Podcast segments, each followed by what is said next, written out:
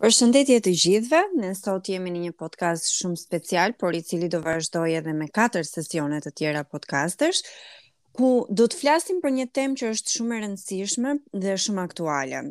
I ftuari i ditës së sotme është Harold Koxha, i cili është psikolog me profesion, por edhe aktivist për mbrojtjen e të drejtave të fëmijëve dhe të rinjve. Përshëndetje, Harold. Përshëndetje Dorajda, faleminderit për për ftesën dhe faleminderit që jeni duke më bërë pjesë të këtij podcasti. Uh, për mua është kënaqësi sidomos kur flasim për çështje që kanë të bëjnë me me sigurinë, me të rinjt, me me të rinjtë të cilët janë nën moshën 18 vjeç dhe pastaj kur mendojmë edhe se sa e, e gjërë është i gjërë është përdorimi i telefonave, internetit, po edhe kërcënimit që vjen nga nga përdorimi i gjerë i të rinjve edhe internetit të pakontrolluar shpeshherë.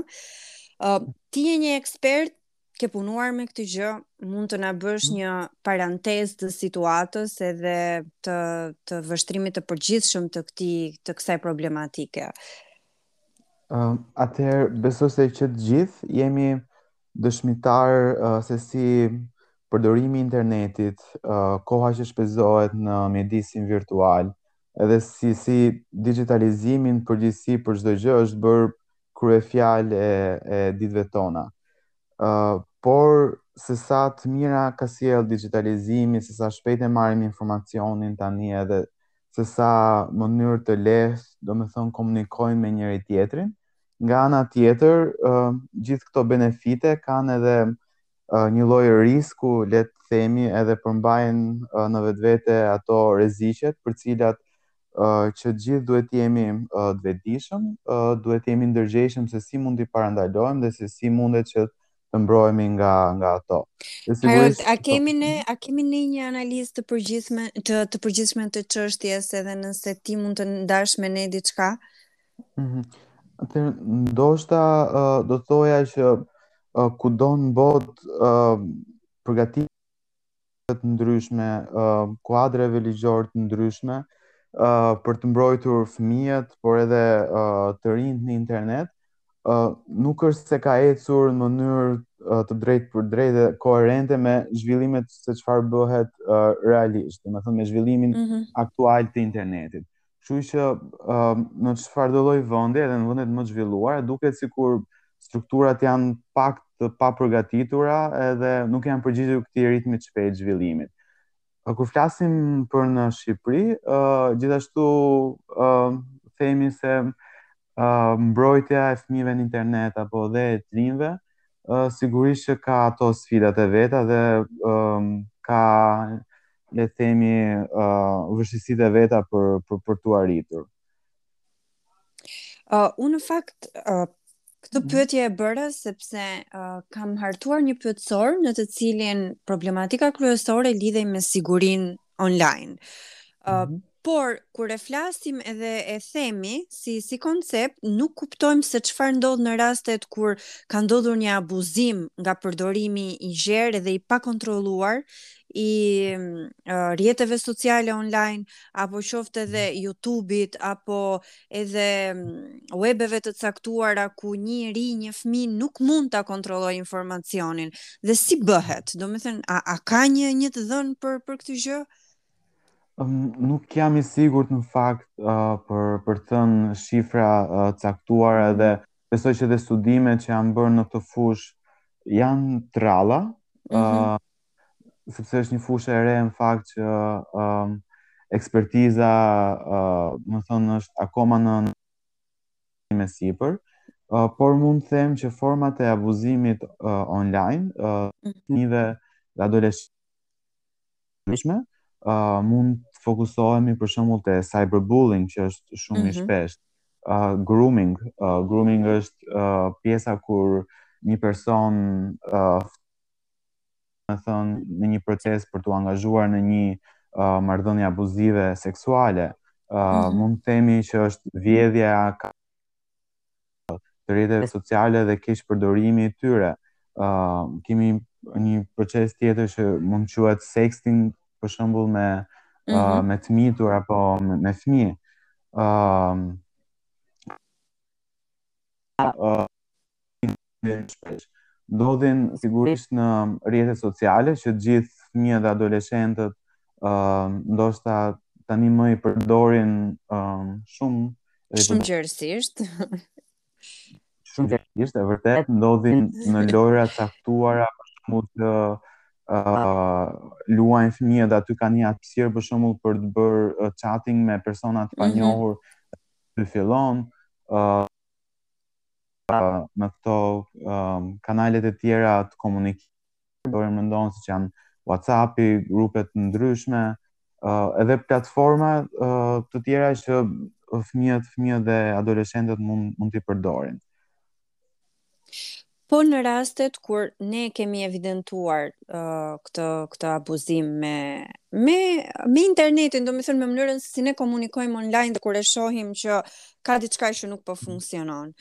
A kemi mhm. ne një një mundësi për të kërkuar ndihmë edhe si mund të si mund të reagojnë fëmijët edhe adoleshentët se ndoshta janë të mësuar me përdorimin e internetit edhe të gjitha platformave që ti uh, shumë mirë sapo na shpjegove, po pastaj është kjo mhm. pjesa tjetër që kur fillojnë edhe të cënohen këto të drejtat e njeriut edhe fillon edhe përhapet akoma dhe më tepër abuzimi, ne fillojmë edhe mendojmë pastaj.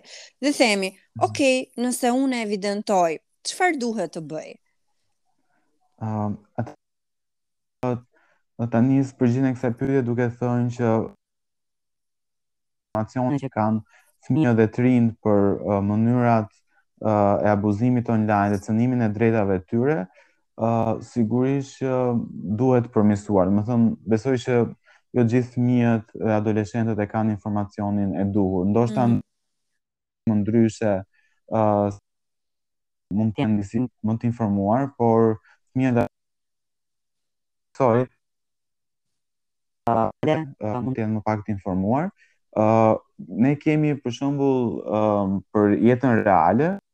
Mhm. Mm pa uh, në gjimnaz për shembull flitet shumë, domethënë për rregullat që duhen respektuar për të drejtat uh, lidhur mm. me jetën reale, por duke qenë se uh, mjedisi virtual është diçka relativisht, kursit, gjithë programin shkollor uh, e duhur, domethënë gjithashtu edhe mm -hmm. edhe prindërit.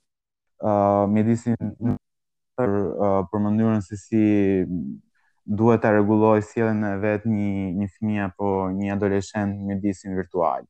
Kështu që ndërgjegjësimi për drejtat e tyre virtuale është ndoshta hapi i parë që uh, duhet të bëjë gjithë sistemi i gjerë uh, i edukimit, por edhe edhe familja. Ë uh, më tej uh, dua të them që çdo lloj abuzimi, uh, edhe uh, raport, uh, edhe raportimi për abuzimet online është e vështirë të kryhet nga ana e fëmijëve uh, për shkak të frikës shpesh herë uh, për shkak të asaj se çfarë do ndodhë pas këtij raportimi për shkak të kërcënimeve që mund të personat që kanë kryer abuzimin uh, për shkak se mund të lidhë uh, më tej uh, nëse uh, ky abuzim merret vesh. Ë uh, janë disa faktorë që luajnë rol, ë uh, që mm -hmm. fëmija nga momenti që përjeton abuzimin deri derisa të atë diku. Ë uh, ekzistojnë disa Karol. struktura në fakt, po. Mhm. Mm për, për po. pikërisht për këtë doja të të pyesja, ë uh, ka po. struktura, po. ka institucione, ka mënyra për ta zgjidhur këtë gjë. Vërtet. Po. Atëherë ë uh, ka struktura të cilat uh, janë për uh, në punojnë për mbrojtjen për mbrojtjen e fëmijëve, që punojnë si mm -hmm. për mhm. mbrojtjen e real, me thënë në jetën e përditshme, por ashtu edhe në lidhje me uh, abuzimet që mund të ndodhin në, në internet. Uh, një nga strukturat më të rëndësishme janë punonjësit e mbrojtjes së fëmijëve që janë uh, vendosura le të themi pranë çdo njësie administrative apo komune uh, në pushtetin mm -hmm. lokal. Uh, më tej, po rendis një herë këto institucionet shtetërore, uh, le të themi, Më tej, në Policinë e Shtetit ka një strukturë të veçantë që trajton fenomenet që lidhen me krimet kibernetike. Mhm. Më, më tej, sigurisht, ka njësitë e mbrojtjes së fëmijëve gjithashtu që janë në, në bashki, por ke edhe shumë organizim qeveritarë që që punojnë për mbrojtjen e të drejtave të fëmijëve. Gjithashtu dua të them mjediset ku frekuentojnë fëmija siç janë shkolla, mm -hmm. uh, edhe mësusit, psikologët e shkollave, sigurisht që në gjithë uh, të, të përcaktuar edhe mbrojtjen e fëmijëve nga çfarëdo lloj abuzimi. Kështu që edhe uh, punonjësit, gjithë punonjësit që janë në kontakt me fëmijën në fakt, kanë nga një lloj uh, uh, detyre të caktuar që t'i mbrojnë dhe aty mund të kryhet raportimi dhe më tej këto profesionistë duhet të jenë të përgatitur se si duhet të reagojnë. Uh, Harold, ti, ti je dhe po? psikolog, po? doja të të bëja një po. pyetje, po. sepse nuk dua që të më kalojë. Um, a lë po. pasoja po. tek një fëmijë, tek një adoleshent që në momentin që um, bëhet pre e abuzimit, e, e dhunës online, të të ndikojë në mënyrën pra ta dallojmë në sjellje në momentin që ai e ka këtë abuzim, pra e, e ka këtë dhunë online dhe nuk nuk është në gjendje mm -hmm. që mhm. ta ta ndajë me të tjerët sepse mendon se ai kërcënimi i bërë aty apo përdorimi i fotove apo gjithçka që ti the e privatësisë mund të ndikojë edhe në jetën e tij të përditshme. Sigurisht, sigurisht që çfarëdo lloj abuzimi shumë tek le themi tek jeta e një fëmijëve, e një fëmijëve, e një fëmije, por sigurisht që besoj me anë të mënyrave ca mund të punohet mm -hmm. më pak uh, le të themi uh, sa më pak e rëndësishme apo t'ulet ajo pesha e e trysnisë tek tek një fëmijë. Ajo çka ndodh uh, Pozitë online dhe që është karakteristike është se amplifikohet shumë. Uh, domethënë mhm. që shumë veta mund, mundet që ta marrin vesh. Për shembull kemi në rastin mhm. e cyberbullying, uh, ku një rast abuzimi i tillë, uh, shumë persona e marrin vesh sepse ajo se si funksion uh, gjë se si funksionon si virtual është që informacioni ndahet shumë shpejt, edhe çdo kush mm -hmm. akseson Dhe në rastin për shembull të bullizmit që ndodh brenda klasës, merret vesh vetëm aty në klasë, kurse cyberbullying mund merret vesh nga gjithë shkolla, nga gjithë qyteti dhe më, dhe më gjerë bëhet ajo uh, që në gjuhën e internetit përdoret që bëhet virale. Bëhet virale mm -hmm, dhe... Në vërtetë. Uh, bë, përhapet shumë si informacion. Kjo gjë ndikon negativisht tek fëmija sepse ndoshta nesër pasnesër kur dalin në jetën reale do ketë shumë, domethënë, perceptime që dëgjo, unë e kam parë videon tënde, mm -hmm. apo uh, kam marrë vesh se çfarë të ka ndodhur ty. Uh, më tej për të shkuar tek shenjat që uh, mund dalin tek një fëmijë, që duhet t'i kemi parasysh ndoshta të gjithë punonjësit që janë në kontakt me fëmijët, por edhe prindrit, uh, sigurisht uh, mund të kemi për shembull një tërheqje të fëmijëve, uh, një lloj humori të ulët gjatë gjithë kohës, mund të kemi uh, këtë uh, notifikimet uh, në telefonin e tyre që mm -hmm. janë vin pas kohe. Domethënë, mund të jetë një shenjë uh, e një abuzimi që po ndodh në uh, mjedisin virtual. Uh, mund të kemi uh, për shembull izolim të ndryshme të shtëpisë duke përdorur aparat apo kompjuterin dhe mhm. një lloj mos e ta shohë dikush tjetër.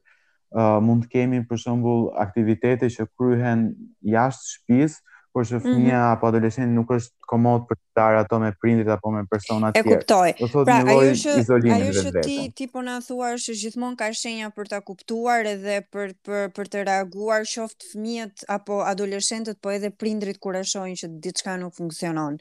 Unë do doja në fakt që ti të ndaje me ne një mesazh, sepse jemi në minutat e fundit të podcastit dhe unë të thashë edhe më herët që nuk do ta kuptosh se sa shpejt do të ikin minutat dhe uh, do do doja që ti si një person që e ke vlerësuar këtë fushë edhe aq më tepër si një psikolog i cili mhm. je në gjendje të bësh edhe analizën psikologjike, por shpesh edhe sociale, se se psikologjia shkon shumë bashkë me sociologjinë.